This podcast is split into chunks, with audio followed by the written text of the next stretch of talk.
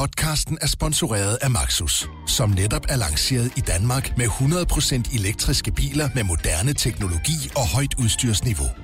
Find din forhandler på maxus-danmark.dk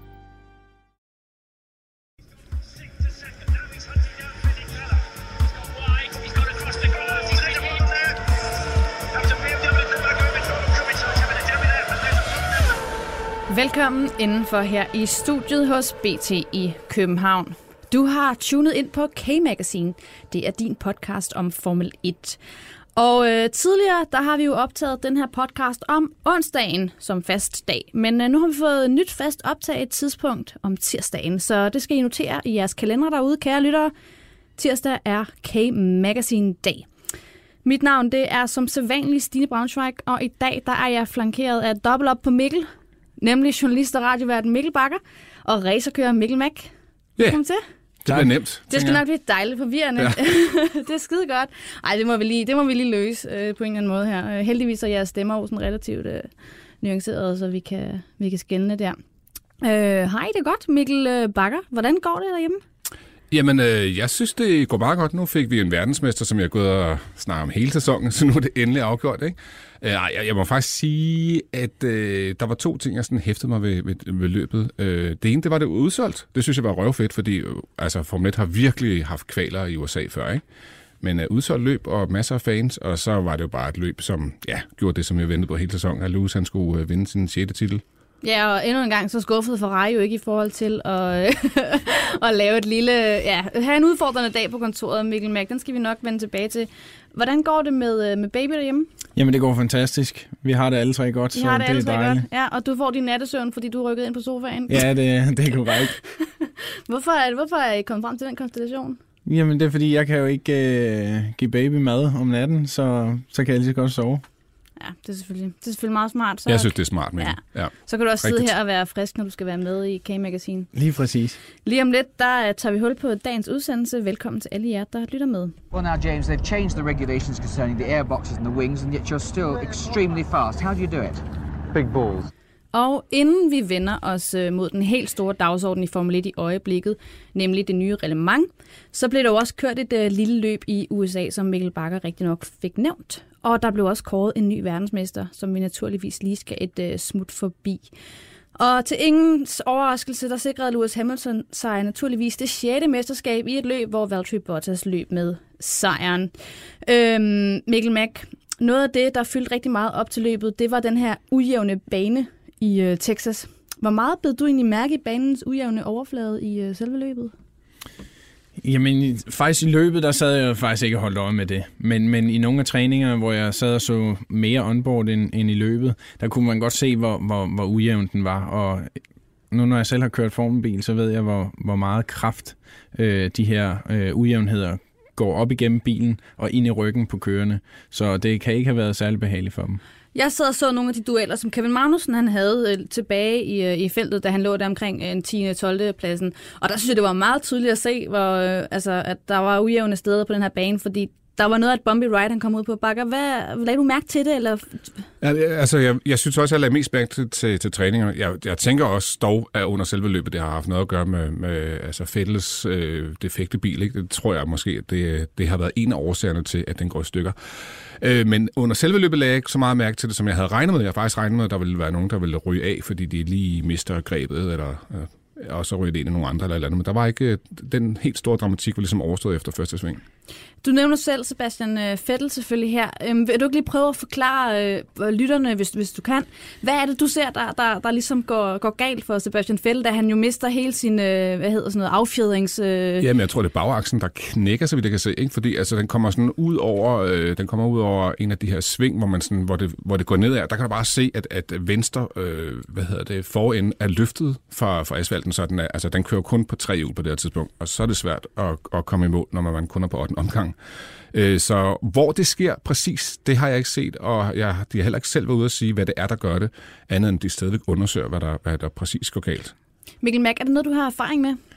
Øh, ja, det er det. Øh, nu er aldrig med Formel 1, hvor de, de her kulfiberdele. Øh, nu er det Racebone, der knak, filmede de lige hurtigt ind på øh, i løbet, øh, i højre ba- bag. Øh, så, men det, det kommer af, øh, det er jo alle de her ujævnheder. Og så, hvis man lagde mærke til det, så kørte de rigtig, rigtig hårdt ind over curbs, øh, og også de her bananer, der ligger endnu længere ude end curbsene.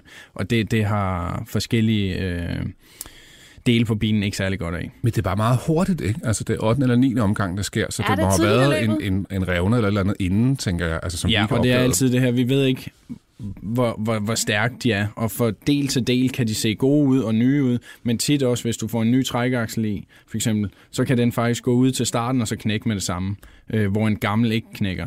Så, så der er meget forskel fra del til del. Så måske de bare har været super uheldige, og, eller der har været en fejl i kulfiberens støbning. Vi har jo tidligere på sæsonen også set, at netop de her curbs har øh, forvoldt udvalgte kører problemer.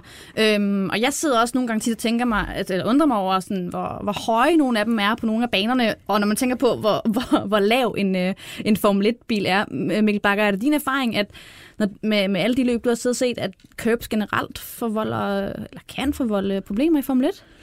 Øh, altså, jeg har ikke de store erfaringer med køber, når jeg kører selv, vil man sige. Øh, men øh, altså, ja, det synes jeg, vi ser jo selvfølgelig, at de en gang imellem, specielt hvis de er våde, ikke? det er der, hvor det bliver rigtig tricky. Øh, og så er der folk, der lige ryger af, eller kommer for højt på dem. Øh, og nogle er højere end andre, øh, men de er der jo også, ligesom for at sige, her går grænsen, og du er faktisk lidt ud over det, men man gør det jo for, for at hente noget tid, og så er det nogle gange med, en- med en lidt høj pris. Øh, så, så ja, det er jo købens ligesom øh, både stærke og svage side, ikke? at den, den kan give dig en fordel, men den kan altså også sende dig helt ud af løbet. Hvordan har du det med curbs som racerkører? Jamen, øh, jeg har det faktisk okay med curbs. Øh, jeg vil så hellere have en, øh, et autoværn eller en væg stående, i stedet for de her curbs. Øh, for i det her med track limits også, øh, som vi så meget her i Austin, øh, de bliver ikke respekteret, fordi nemlig du kan vinde rigtig meget tid. Øh, og hvis du, du ikke gør det, og de andre gør det, så tager du rigtig meget. Øh, så, så med curbs, der, der, der er jeg lidt øh, modstander på den måde, øh, hvis de er lavet for meget til, at du faktisk bare kan køre ud over. Ja, det har vi jo set, at øh, kører har gjort af flere omgange. Nå, der var jo heller ikke øh, ret meget at råbe hurra for i øh, Kevin Magnussen-regi. Øh, danskeren, han måtte jo nemlig udgå til allersidst, da det gik op, og hat, øh, op i hat og briller med bremserne på Haas-raceren. mm, Mikkel Bakker, skal vi i virkeligheden bare droppe og snakke om øh, Kevin Magnussen og Haas? Øh, Ja, som vi kan sige, ellers er det en copy-paste, ikke? fordi Jo. det er også meget, øh, han starter godt, han vinder nogle øh, placeringer, så begynder dækken at falde af, så pitter det, så sker der rigtig noget, og så kan man sige, det er dog trods alt nyt, at han får en bremsefejl, det synes jeg ikke, jeg har set ham have før. Altså, der har ikke været problemer mig bekendt med bremserne i år, det har jo været, tidligere været et problem for Haas. Ja, det var bare et, endnu et løb at glemme, og jeg tror virkelig, alt deres fokus øh, må være på 2020-sæsonen. Øh, nu er det de to sidste løb, og så er det bare hjem og sove, var jeg at sige, ikke? og så en ny bil. Ja, og så måske et smuttet på Havana sammen med Emil Bea og, og hygge sig lidt på... det vil jeg i hvert fald foreslå ham. Nå, øh, Mikkel Mack, en anden, der omvendt havde en, en udmærket dag, det var jo Dan Ricciardo, Ja. i, øh, i Renault-raceren, og han får, så, øh, får faktisk kørt sig ind foran øh, de to McLaren-biler, så øh, Ricciardo slutter øh, foran øh, Sainz og Norris, og så kommer Hülkenberg bagefter.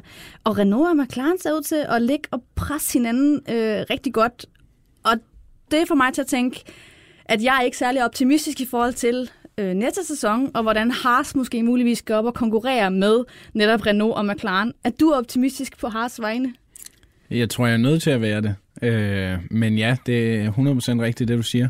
Jeg synes også, at det ligner, at McLaren og, og øh, Renault, de har, de har taget et godt skridt væk fra, eller fra øh, Haas. Og det, det, det, er, det er lidt ærgerligt med danske briller. Men, men lad os håbe, at de får udviklet den her bil så godt, som de allerede er i gang med nu, øh, og bruger det ekstra tid på at finde det, det skridt, de andre har noget at finde i den her nuværende bil. Mikkel Bakker, ja, øh, Renault havde jo en udmærket, øh, altså en rigtig god dag på kontoret. Mm. Altså, øh, det tegner vel øh, rigtig, rigtig godt, både for Renault og McLaren, hvis vi også tager sådan fremtidsbrillerne på. Øh, ja, altså, øh, det, det, det synes jeg, øh, og det er vel også på tide. Ikke? Nu har de været der, og de har jo også hele tiden sagt, at 2020 var der, de sådan for alvor ville op og blande sig. Og det håber jeg et eller andet sted også, de kommer til, fordi øh, hvis vi bare sådan lige zoomer lidt ud, så har det jo virkelig været tyndt med, med overraskelser de sidste seks år i hybrid øh, æren her, ikke? som er ved at slutte, eller slutter i 2020. Så det ville være rart, hvis de kom derop og blandede sig. Om det er Renault eller McLaren, det er jeg lidt spændt på at se, fordi øh, ja, de har den samme motor. Jeg ved ikke, hvor mange midler. Jeg tænker, at Renault har et større budget end McLaren trods alt, men jeg tror faktisk, at McLaren er lidt foran, fordi deres chassis er bedre. Hvad for et hold kan du egentlig øh, bedst lide af de to? Åh, øh, jamen, altså, Ja, jeg tror, jeg tror valget...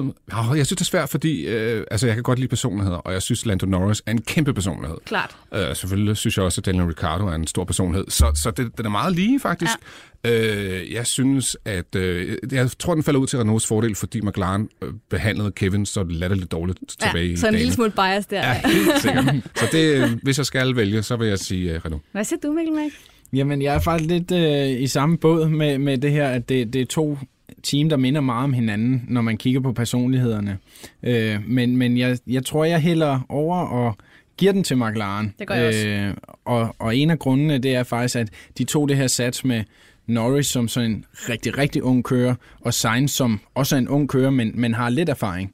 Øh, og, og tage det sats, hvor de var på det tidspunkt, øh, det synes jeg var stærkt gjort. Og så er jeg altså vild med den bromance, der er i gang hos uh, McLaren. Det synes jeg... Ja, det er sjovt. Det er virkelig, det, det virkelig giver fedt. et lækkert, en, ja, det giver, det giver noget lækkert til, til Formel 1. Og så har det jo været mode igen, kan man sige. Ikke? Altså, de skifter jo motor efter næste sæson, så smutter de tilbage til Mercedes. Så øh, ja, der bliver taget nogle voldsomme beslutninger hos McLaren for tiden. Racing, competing is in my blood. Inden vi lige hopper videre i udsendelsen, så skal vi forbi vores øh, faste lille element, det vi kalder Peter fra paddocken. Og det er jo altså her, hvor BT's Form 1-korrespondent tager os og lytterne helt med ind i paddocken, hvor der altid sker ting og sager. Og Peter, han kommer altså til at tage hul på snakken om det nye reglement. Lyt med. Så kom de, de nye regler for Formel 1 i 2021 og frem efter. De har været længe undervejs, og der var en deadline, der hed 1. november. Det var derfor i sidste øjeblik, at Bilsportsforbundet FIA i torsdags, altså 31. oktober, inviterede os ind i konferencesalen på Circuit of the Americas uden for Austin. De har placeret en 1-3 model af fremtidens bil foran podiet, hvor Formel 1's tekniske chef Ross Braun, FIA's tekniske chef for Formelbiler Nicolas Tombasis og Liberty Medias Formel 1-boss Chess Carey havde taget plads. FIA-præsident Jean Todt var med via et videolink til Paris. Som mange andre i Formel 1 var jeg bekymret omkring det nye 2021-reglement. Det har taget lang tid at få på plads, og jeg var bange for, at de mange modstridende interesser i sporten ville betyde, at vi endte med en masse halvhjertede kompromiser, der ikke for alvor ville ændre noget. Men de nye regler var værd at vente på. Det var et gennemarbejdet professionelt regelsæt, vi blev præsenteret for. Der er fem hjørnesten i reglementet. Bilerne skal kunne køre tættere på hinanden, der skal være større lighed mellem de 10 teams, udgifterne skal reduceres, og bilerne skal være sejere at se på. Og så er det vigtigste mål på en lidt længere bane. Formel 1 skal være mere miljøvenligt. Vi lever i en tid, hvor der med rette er fokus på miljø og klima, og selvfølgelig skal Formel 1 også bidrage positivt. Jeg er spændt på, hvilke konkrete tiltag man kommer med, men med hensyn til miljøet har vi altså nogle lavt hængende frugter, der bare skal plukkes, inden andre gør det for os. Et par eksempler. VM-kalenderen. Jeg synes personligt, at den med 22 løb i 2020 er alt for lang. Men antallet af løb er en ting. Noget andet er, hvordan de er placeret i forhold til hinanden. Bahrain og Abu Dhabi ligger nu i marts og november. De skal der ligge med en uges mellemrum. Vietnam og Kina ligger i april, Singapore i september og Japan i oktober. De skal placeres umiddelbart efter hinanden. Canada ligger i juni, USA, Mexico og Brasilien ligger i oktober og november. De må også skulle lægges op af hinanden. Det er en relativt simpel øvelse, der vil spare millioner af flykilometer for personale og fragt. Og så er der dækkene. I dag har hver kører 13 sæt dæk til hver weekend. 13 sæt til 20 kører, det er 260 sæt, eller i alt lige over 1000 dæk. Til 22 løb giver det over 22.000 dæk, der skal produceres og fragtes verden rundt. Hold nu op, det må vi altså kunne gøre bedre. Og som Peter Nygaard rigtigt siger, den 31. oktober skete det langt om længe, det som vi er mange, der har ventet på, nemlig offentliggørelse af, offentliggørelsen af det nye omdiskuterede 2021-reglement. Der er jo altså mange, der har gidsnet om, frygtet for og ikke mindst ventet i spænding på, hvad det nye reglement byder på af nye tiltag. Og det er det, vi skal dykke ned i nu. Vi kommer ikke til at gennemgå reglementet slavisk, men vi udpeger og drøfter udvalgte tiltag fra det nye 2021-reglement. Men først og fremmest, så skal vi lige høre, om vores Formel 1-journalist Daniel Remer er med os. Det er jeg, og det er en stor dag også for mig Ej. at komme tilbage efter nærmest et år ude og har Rik- hørt på simpelthen det ene vrøvl efter det andet for de her gæster, der har været inde. Og ja, Mikkel og Mikkel og Ronny, og man ved ikke. Ej, spøj til side. Det er super fint at være tilbage. Det er dejligt at have dig med, Daniel Remer. Du sidder jo hjemme i Solrød og passer en lille baby. Øh, nu har dig og Mikkel ja. Ja. Mack jo så noget til fælles i form af en, øh, en lille baby hver. Det er jo dejligt. Så kan I også mødes ja. Ja. over det, ud over motorsporten. Jeg kan sige, Popsi og Krille på YouTube, det gør meget, også lige nu, når jeg skal have ro til det her.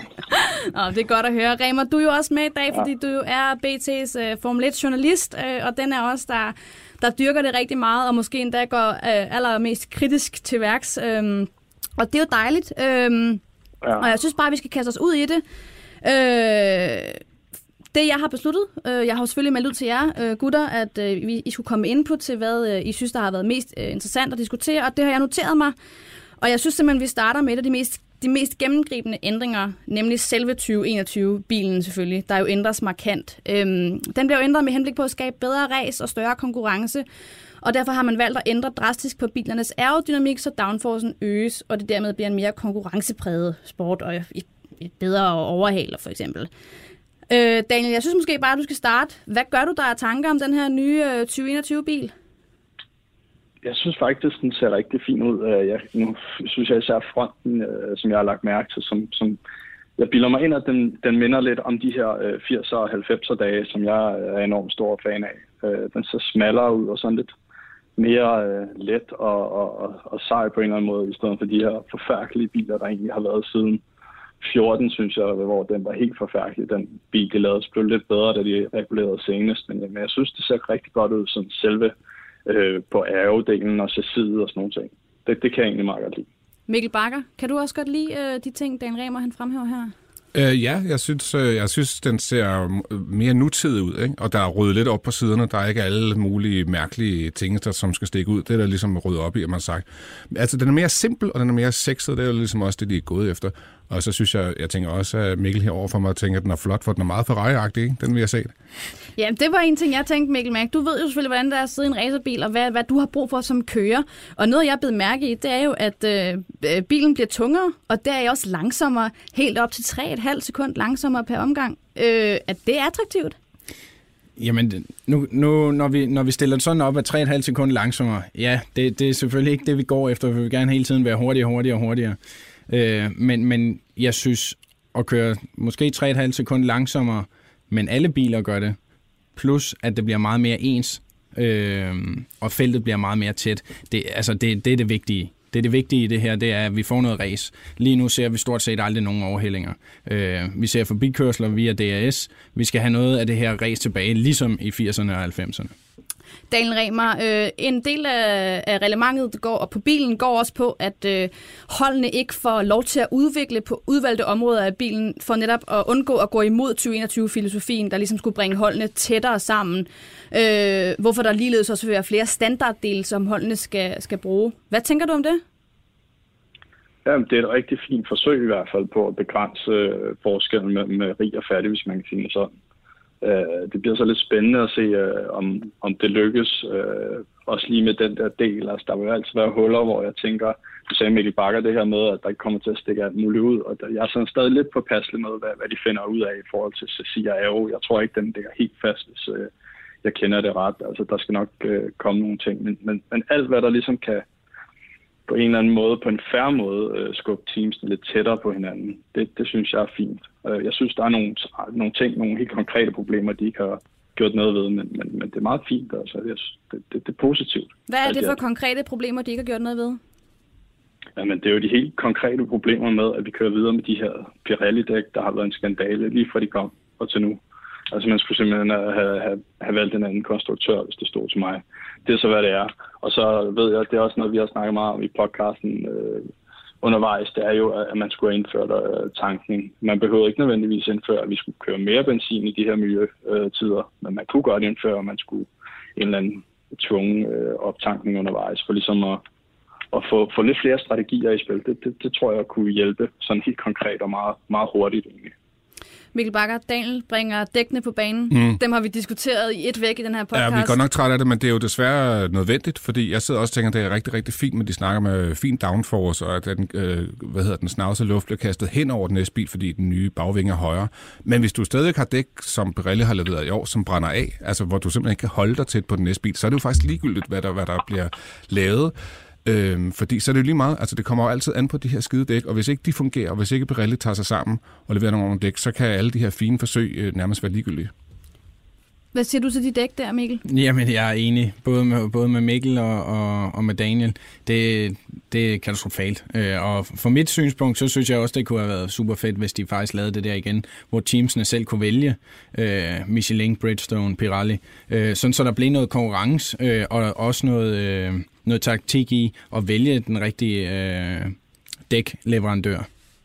Inden vi lige tager fat på øh, budgetloftet, som jeg synes også er en af de ting, vi, øh, vi er nødt til at vende, fordi det har været meget omdiskuteret, så vil jeg gerne lige vende et, øh, et lille begreb, jeg faldt over, og som jeg ved, Daniel Remer også er faldet over. Det her scrutineering, øh, de her kontrol, ja, kontroltjekkene, der jo finder sted. Øh, bilerne skal tjekkes, at de lever op til, til diverse krav. Og der vil man jo indføre det her med, at de her tjek skal finde sted fredag før første træning. Øh, og så må bilerne, bilerne altså ikke justeres efterfølgende i forhold til ræset. Man må gerne tilføje dele i træninger og diverse, men man, må altså, man skal køre med den bil, man har sat op til før øh, første træning. Det blev meget nørklet. Daniel Remer, hvad tænker du om det her? Altså, det, det er rigtig spændende, øh, og ja, det er igen et, hvor jeg synes, at man er lidt visionær her, men, men jeg, jeg er også lidt spændt på, hvordan det kommer til at fungere, og så, så har jeg også lidt problemet i det med, at det, det kan godt blive lidt svært forståeligt øh, umiddelbart for, for os alle sammen, men det, det skal nok blive forklaret udpensler. Men jeg tror egentlig, at jeg vil sende den der over til, til, til racerkøren, fordi han, han ved sgu lidt mere om, hvordan, hvor meget det her betyder hen over en weekend. Det gør jeg. Helt ærligt. Det gør jeg bare med det samme her. Mikkel Mack, øh, det lød meget bøvlet, og jeg havde også svært ved at forklare det bare i sig selv, hvordan det kommer til at foregå. Men du, du ved jo om noget det her med biler, der skal tjekkes i hoved og røv, for at de lever op til diverse krav. Hvad tænker du om det her med, at man vil indføre den her, så at sige, regel om, at øh, bilen skal være indstillet, som den var før første træning? Jamen, det afhænger lidt af, må, må de, det, altså det er delene, vi snakker om. De må stadig gerne ændre hjulvinkler og så videre. Ja, det er dele. Så, ja. ja, præcis. Ja. Øh, og jeg kan godt se det smarte i det, at, at de sparer de her øh, last minute fly med, med alle de her nye stumper, de lige har fået udviklet og så videre og så videre. Øh, men jeg håber stadig, at Formel 1 det er kongeklassen. De, de skal have lov til at udvikle hele tiden og finde det ypperste ypperste, hvis de kan i sidste øjeblik. Øh, så, så jeg er lidt både med, men også mod. Øh, jeg kan godt se ideen, øh, men om den kommer til at virke, ved jeg ikke. Mikkel Bak, ja, går det ikke også lidt imod det her tanken med, at man øh, vil have flere standarddele til, til holdene, og så vil man ikke give dem lov til at, øh, at tilføje øh, på ting, eller på dele, der som gerne må udvikles på undervejs, eller hvad? Jo, altså for det første så tror jeg, at, at de dele, de må udvikle på, er færre. Men, men det, jeg tror, det gør, og den øh, her regel øh, er tiltænkt, det er, at man skal komme Altså man skal være fast besluttet på, hvordan ens bil skal se ud på søndag, når man kommer om fredagen. Og så ligesom det siger, godt, så hvis du har nye dele, så er det fint nok, men de bliver låst, og så kan du ikke tage dem af, hvis de ikke fungerer. Ja. Og det, det synes jeg, det giver et eller andet, fordi så, så, så kan det godt være, at de ikke er lige så øh, er modige og er sådan tænker, så skal vi ikke prøve det af, for vi er helt sikre på, at den fungerer. Så hvis de går ind og siger, nu har vi en ny del, så sætter vi den på fredag, så kommer den igennem kontrol, der er scrutinering, og så skal den altså også være der søndag, når det der køres race. Og så er det bare, om den bærer eller brister. Så synes jeg, vi skal vende os. Nå, Remer, havde du en kommentar? Ja, men jeg, jeg, det var egentlig meget rigtigt. Altså, det skal ikke blive alt for socialdemokratisk, det her Formel 1. Altså, vi er alle sammen helt enige om et eller andet sted. Altså, det, det skal, der skal bruges penge, og der skal udvikles det er en, det er en forgangsklasse. Det, det er jeg helt så meget enig i. Det er fint restriktioner, men det, det igen, det skal aldrig lukkes ned til, at vi alle sammen skal være lige. Fordi sådan er det, det er bare ikke i motorsport i virkeligheden, og det skal slet ikke øh, nødvendigvis være det i Formel 1. Og så synes jeg, at vi skal vende os mod øh, et af de mest omdiskuterede og omsaggribende elementer i det her nye reglement, budgetloftet. Vi var jo mange, der havde forventet det, og det var blevet diskuteret, og der gik øh, snak i krogene om, at, øh, at det skulle være der, det her forventede budgetloft på 175 millioner dollars, der jo bliver en realitet. Øh, budgettet inkluderer alle performance areas, men det er selvfølgelig ikke inkluderet hverken kørendes løn, de tre højst betalte folk i teamet eller marketingsafdeling. Øh, der vil således også være en, øh, en sportslig straf, hvis man øh, hvis et team overskrider det her øh, budgetloft. Øh, 175 millioner dollars, men det er ikke alt, der er inkluderet. Tværtimod, er det her ikke bare pseudo, Mikkel Bakker? Altså, jeg tror, at øh, top 3 holdene vil kunne mærke det. Øh, for fordi altså, der er jo ikke nogen officielle tal, men Mercedes opererer cirka 250 millioner, og Ferrari sikkert også det samme, og Red Bull er sikkert ikke langt derfra. Så de skal selvfølgelig ind og finde nogle penge og spare. Men jeg synes faktisk, der er en ting, vi har overset i det her. Det er fint nok, at vi laver et, øh, et loft, og det synes jeg er fint, fordi så, altså, så bliver det måske lidt mere lige på den lange bane. Men problemet er, at næste år, hvor de skal udvikle 2020 eller 2021-bilen, altså til næste år, der er der jo ingen regler, så de kan jo bruge alle de penge, de vil til næste år, og så kan de komme med bilen til 2021, som måske er bedre end de andre, og så starter de igen foran, fordi de har alle midler indtil 2021. Men der er bilen jo lavet, og der har de jo haft øh, altså, mulighed for at bruge lige så mange penge, altså lige så mange penge, som de vil, på at udvikle bilen. Mikkel Mæk, det har Bakker vel en pointe i? ja, 100 procent. Øh, jeg havde ikke engang tænkt sådan, men øh, det har han 100 procent ret i, og det tror jeg allerede, Formel 1-teamsen allerede har regnet ud også. Hvad tænker du generelt om, øh, om, om tanken om budgetler? For jeg kan sagtens se, øh, eller umiddelbart kan jeg godt se fidusen i, hvorfor man gør det. Netop det her med at ville skabe en mere lige sport, men trods alt ikke så lige, at vi alle sammen er lige, fordi det ved vi godt, som Remer også siger, det er, det er ikke sådan, motorsport fungerer. Men øh, når kørendes løn ikke er inkluderet, de tre højst betalte i teamet, der er heller ikke marketing i det her, altså er det måske ikke sådan lidt, der, der er man kommet udenom, øh, bevæger sig i nogle gråzoner, hvor man bare kan i princippet fortsætte, som man tidligere har gjort? Jo, det, det, det synes jeg, og, og faktisk kørendes løn er, er, er noget af det, de nemt kunne skrue på. For I, altså, hvis du spørger hvilken som helst racerkører i verden, altså hvis han får 50 millioner for at køre Formel 1, så vil han gøre det, hvis han i stedet for at køre, få 200 millioner, altså bare at køre Formel 1, det er nok i sig selv. Øh, så, så det tror jeg hurtigt kunne komme til jords. Men selvfølgelig nu, når de ser de andre, når han tjener det, så skal jeg også op og op og op. Øh, og det synes jeg er, det er synd, det er blevet sådan, øh, specielt for kørendes side af, fordi at alle drømmer om Formel 1, og alle kører vil gøre det næsten gratis. Daniel Remer, budgetloft, er det noget, der huer dig? Uh, ja, jeg kan faktisk meget godt lide det. Uh, og det har været snakket om længe, og jeg tror, at grunden til, at de har sat det så relativt højt, det er jo, at den lige skulle spises hos dem, der bruger sygt mange penge på det. Og så kan man jo altid med tiden regulere nedad, ligesom der har været dengang man startede med at regulere på test. og så blev vi også reguleret nedad stille og roligt. Og det tror jeg faktisk er en tendens, vi kommer til at se. Så på den måde synes jeg faktisk, at det, det er modigt nok, at man får det ind, og man får det gjort spiseligt i første omgang. Og så kan jeg faktisk meget godt lide, øh, det måske at hoppe lidt i det, der er også nogle restriktioner på vindtunnelen. Og det er jo klart, der har de jo erkendt, øh, det var især Jens Hansen på TV3, der tog det op, at, at det kan de selvfølgelig ikke styre 100% FIA. Det, det er de simpelthen ikke ressourcer til, og man kan ikke komme ind og se det. Men den, der bliver straffet, det er altså den øverste chef i hele koncernen. Det vil sige, at det er den øverste chef i, øh, hos Ferrari, øh, Fiat-koncernen, der bliver straffet, hvis, det, hvis de bliver taget i at lave noget. Så det, det, bliver, det kan godt blive rigtig øh, grumt for dem, også hos Mercedes for eksempel. Så derfor øh, så er der nogle, altså, nogle ting, der gør, at de formentlig ikke vil snyde alt for meget med de der ting. Øh, det kan jeg også meget godt lide ved de, ved de her regler. Øh, og kørelønninger og, og hvad hedder det, de andre ting, de vil skrue på, eller der ikke er med i det, det er jo bare, hvad det er. Jeg synes, det er fint, at, at man starter i stedet, så må man regulere stille og roligt nedad, så vi får en, bare en lidt mere lige sport, ja. øh, uden at blive alt for lige, som sagt. Ja, vi glæder os til at se øh, resultatet ja. af det når, det, når det bliver for, for alvor en realitet fra 2021. Den sidste ting, jeg har taget med, som jeg synes, vi skal vende, øh, det er jo det her med øh, forkortelsen af raceweekenderne. Nu kalder jeg det weekender, selvom at det jo også er hverdag, der er inkluderet. Men øh, der har man jo valgt øh, at korte ned det vil sige, at man fra 2021, fordi man udvider grænsen for antal løb fra 22 til 25 løb, har man også valgt at forkorte raceweekenderne. Det betyder, at øh, torsdagen simpelthen udgår af løbskalenderen. Øh, torsdagen det er normalt der, hvor kørende stiller op til diverse pressekonferencer til rådighed for medier. Men det rykkes nu i stedet til fredagen før første træning. Øh, dermed så bliver et, øh, et løb over en weekend jo mere kompakt, Mikkel Bakker. Hvad tænker du om det? Jeg tror, at kørerne er glade for det. Jeg ved ikke øh, selve crewet omkring, hvor meget det kommer til at betyde for dem, for jeg tænker, de er der jo allerede, og de skal jo stille op, og græserne skal gøres. Så er der også, eller så er der journalisterne, som ligesom siger, at de får så også lidt mere tæt øh, øh program. Øhm, jeg håber, at det er med til at gøre, at det bliver spiseligt for særdeleshed kørende og dem, som er ude at rejse, fordi det er rigtig, rigtig hårdt. 21 løb øh, nu, og jeg ved, Dan, du er heller ikke stor fan. 22 løb næste år og 25. Altså, det bliver for meget. Du skal ud og tænke, skal vi have to sæt øh, altså, mekanikere, altså, fordi du bliver nødt til...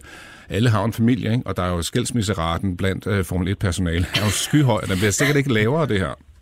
Daniel Remer, hvad, hvordan har du det med, med forkortelsen af de her løbsweekender? Uh, jeg, jeg synes også, at det, det, det giver meget god mening, rent praktisk, også for, en, uh, også for Peter Nygaard for eksempel, som, som jeg også lige uh, altså, har snakket om i hans indslag. Altså, at det bliver meget, ikke? Og så bliver man nødt til at skære nogle steder. Det eneste, jeg blev sådan lidt over, det var, øh, det var klart som mediemand, om, om, de, om de skal afgive mindre tid altså til journalister. Kan man komme nok rundt? Jeg kunne se, Kevin Magnussen, han, han var ret glad for det, til TV3. Oh, surprise. Han er også selv spring, jo. Ja, men, han så gerne, at der slet ikke var noget medietid. Ja, Øh, der kan jeg godt, ja, så, så går det ud over fansene måske, det ved jeg ikke. Øh, det, det er fint, det, det er godt nok, de prøver at gøre et eller andet i hvert fald. Så, så igen, øh, udmærket ting, øh, det må vi lige se, om, om det kommer til at fungere.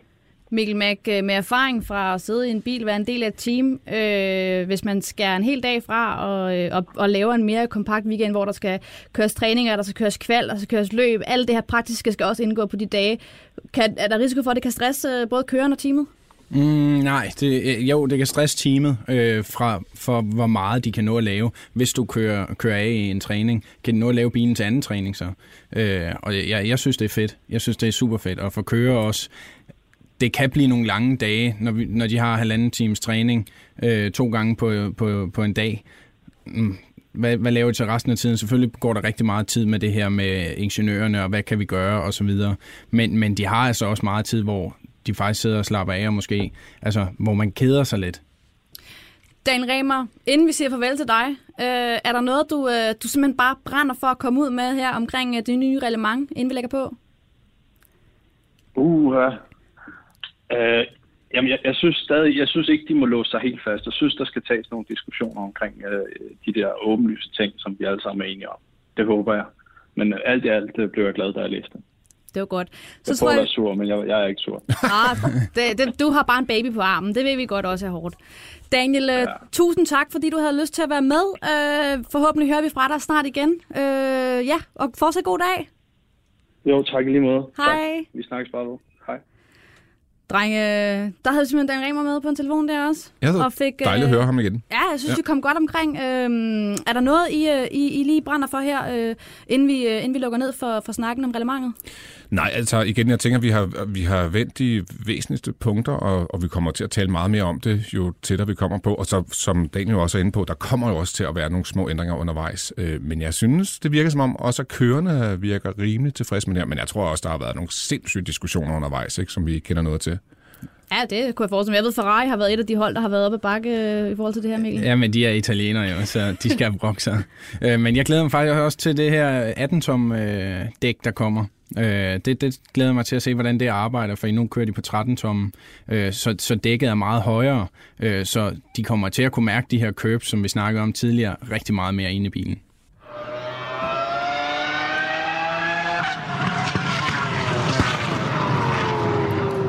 Inden vi lige øh, runder af på i dag. Øh, nej, sorry. Øh, der, var, der var lige noget med teknikken før, der drillede. Det er klippet ud. Øh, det kan vi bare nyde her i studiet. Men inden vi lige får rundet af i dag, så skal vi lige forbi vores øh, faste element selvfølgelig. Det vi kalder for pole eller pit. Og det er her, hvor mine øh, gæster får øh, lektier for hver gang øh, og skal fælde om over noget i den store Formel 1 og eller motorsportsverden. Noget, jeg er begejstret for. Noget, jeg er træt af. Har I lavet lektier? Ja. Ja. Ah, hvor godt at høre. Mikkel Mærk, du får lov til at starte. Vil du starte med en pole eller med en pit?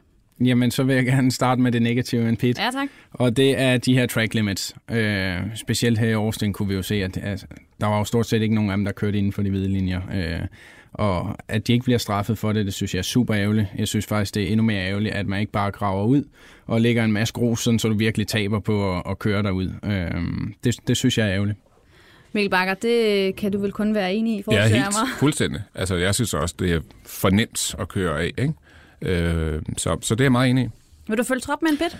Ja, det jeg godt. Jeg er lidt i tvivl, fordi nu sidder jeg over for en Ferrari-mand, men... Øh, Endelig bare fyre øh, alt det hate ja, sted, du kan komme Der er ikke så meget hate, men jeg undrer mig over Ferrari øh, og deres performance øh, i søndags. Altså, Leclerc slutter på fjerdepladsen 52 sekunder efter Bottas. Det er jo helt off, ikke?